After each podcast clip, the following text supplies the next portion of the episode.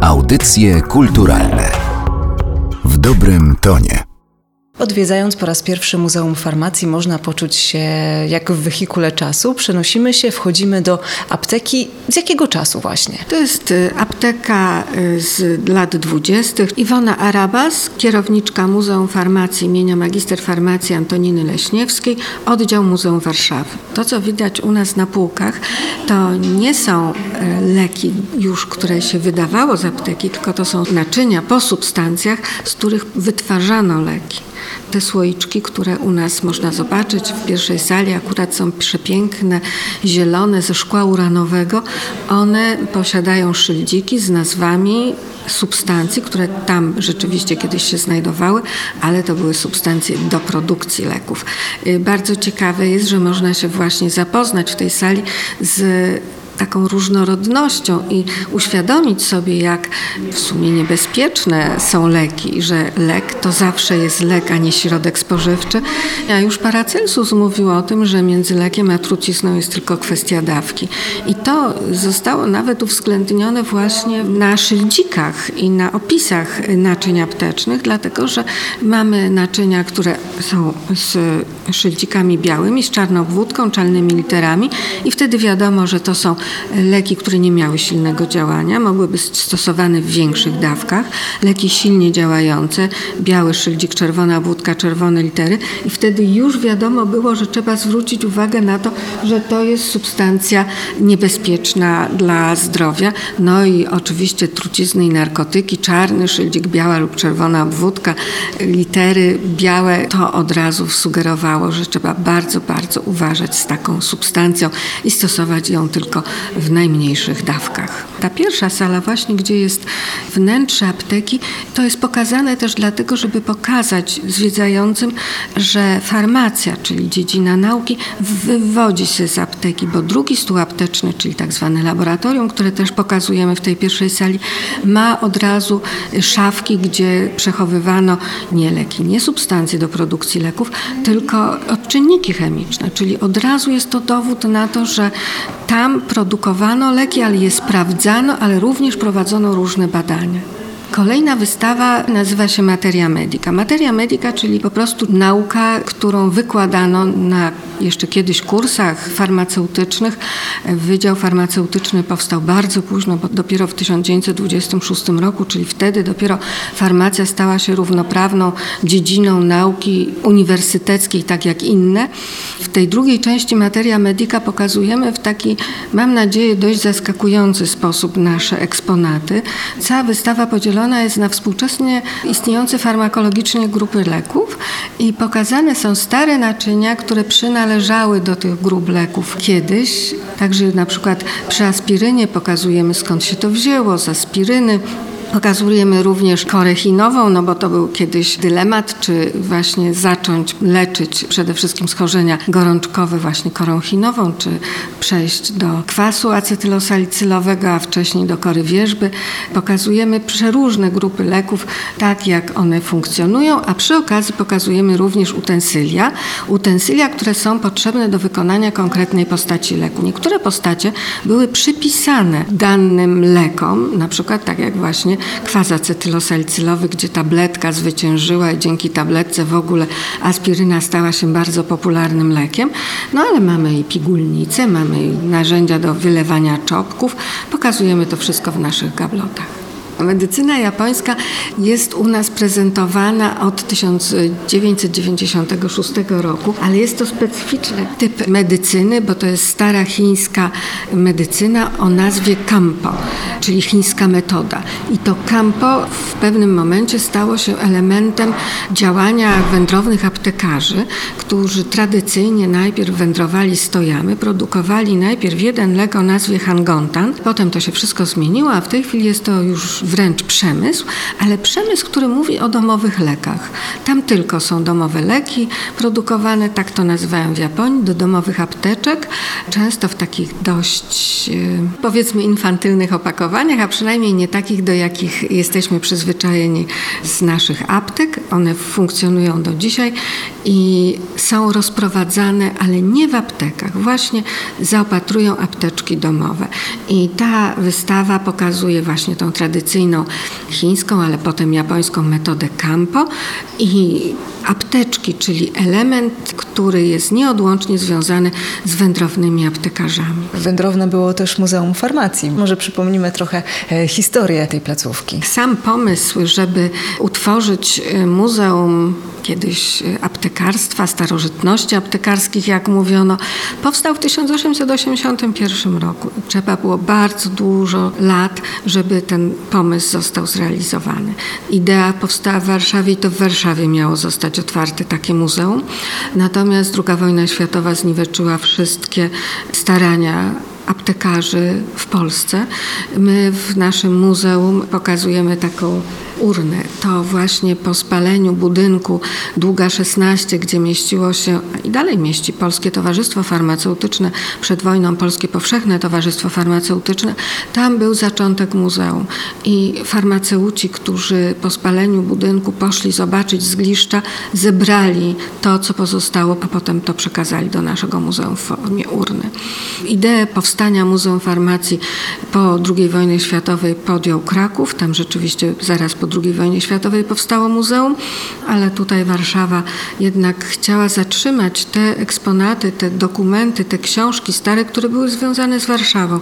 I dzięki inicjatywie właśnie zmarłego pana doktora Kazimierza Radeckiego powstało to muzeum w 1985 roku. Powstało przy Marszałkowskiej 72 i tam mm, muzeum mieściło się nad byłą apteką Antoniny Leśniewskiej. Nie wiem, jakie przyświecały idee, żeby właśnie nazwać nasze muzeum imieniem Antoniny, ale myślę, że dwa czynniki tu odegrały rolę. Pierwszy to to, że właśnie byliśmy związani adresem z apteką Antoniny Leśniewskiej, a drugi fakt to ten, że ona rzeczywiście była kobietą, która wprowadziła inne do aptek. Wtedy, kiedy muzeum powstawało, rzadkością był mężczyzna w aptece, a to zawdzięczamy Antoninie Leśniewskiej i nie tylko w Polsce, bo to jest jej światowa działalność. Ona w 1900 roku, przełamując wszelkie stereotypy, otrzymała stopień prowizora na Wojenno-Medycznej Akademii w Petersburgu i tam rozpoczęła od razu starania o to, żeby otworzyć żeńską aptekę. I na Newskim Prospekcie, tuż przy kościele świętej Katarzyny, założyła taką aptekę. Na pierwszym piętrze zawiesiła wielki transparent Pierwa żeńska apteka i funkcjonowała tam do momentu, kiedy mogła. Po wybuchu I wojny światowej musiała zrezygnować z działalności, zresztą potem wróciła do Polski. W 1901 roku uzyskała tytuł magistra farmacji i od tej pory już mogła prowadzić szkołę farmaceutyczną dla kobiet i rzeczywiście była to z zamyśle Antoniny Leśniewskiej pierwsza szkoła, która miała kształcić już na poziomie prowizora kobiety czego nie mogły w zasadzie robić na uczelniach, dlatego że jeszcze wtedy funkcjonował taki dwu, a właściwie trzystopniowy system kształcenia, jeżeli już nie powiedzieć cztero. Ale najgorsze były te dwa pierwsze momenty, dlatego że żeby zacząć kursy farmaceutyczne, bo to jeszcze wtedy tak się nazywało, na wyższej uczelni, po których dostawało się stopień prowizora, najpierw trzeba było odbyć praktykę ucznia, a potem pomocnika. I to się działo w aptece. Żaden aptekarz nie chciał przyjmować kobiet na praktyki, bo tego nie było w zwyczaju. Bał się po prostu, bał się opinii publicznej, bał się kłopotów, które ewentualnie przewidywał. No i jeszcze był taki jeden czynnik.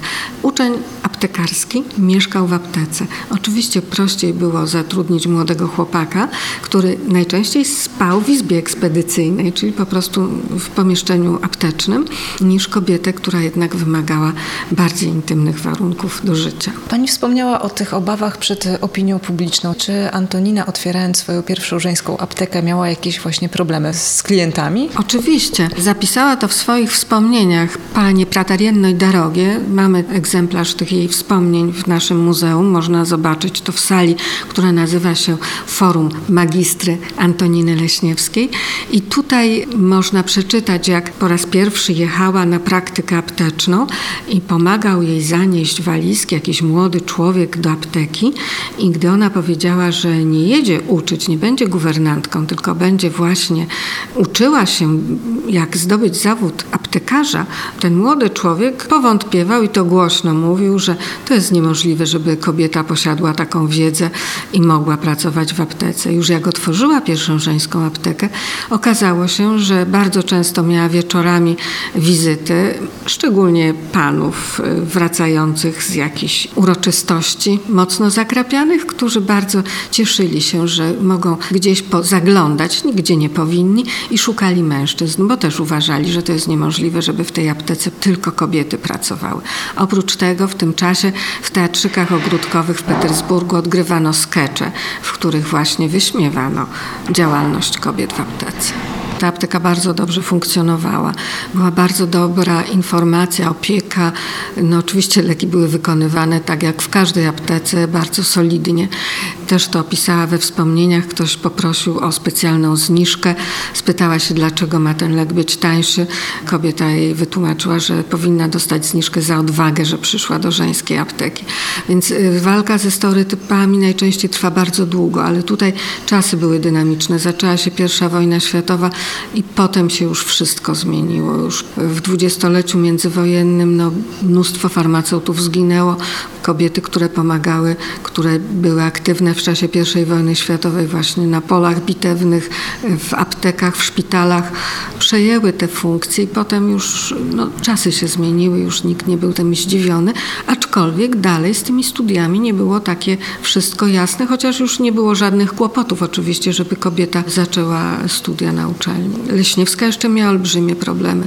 Musiała mieć zgodę każdego wykładowcy, że będzie uczestniczyła niewidoczna w wykładach, a ćwiczenia musiała odbywać oddzielnie, w oddzielnym pomieszczeniu, nie z mężczyznami. Ale ta apteka, którą otworzyła już w Warszawie, bogatsza o doświadczenia z Petersburga, to już chyba zupełnie inna. To już były inne czasy, to był 34 rok, ona też tutaj miała pewną pionierskość, dlatego że to była pierwsza apteka, którą kobieta otworzyła po konkursie ogłoszonym na właśnie nową aptekę w Warszawie, no ale to już są inne czasy. Tutaj już nikt się nie dziwił. To była ta siedziba muzeum, bo o tym zaczęłyśmy rozmawiać. Siedziba muzeum właśnie nad było apteką Antoniny Leśniewskiej, a co dalej się e, działo z placówką? My mamy takie losy jak losy nasze, polskie. Zaczęła się reprywatyzacja, nasza siedziba przy Marszałkowskiej 72. Odnalazł się właściciel, potem budynek został sprzedany. Musieliśmy bardzo szybciutko się stamtąd wyprowadzać. Wtedy jeszcze PZF Cefarm pomógł nam przejść do lokali, które mieściły się przy ulicy Skierniewickiej, do siedziby głównej, wtedy jeszcze Cefarmu.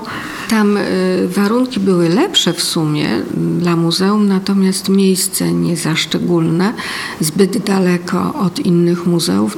Y, jak już Cefarm został sprywatyzowany, sprzedany. Znowuż straciliśmy lokal i wtedy przygarnęło nas Muzeum Historyczne Miasta Stołecznego Warszawy i profesor Janusz Durko, który zdecydował przy braku w ogóle pomocy z innych placówek, żeby nas przyjąć właśnie do siebie i dzięki temu funkcjonujemy tutaj już na Piwnej.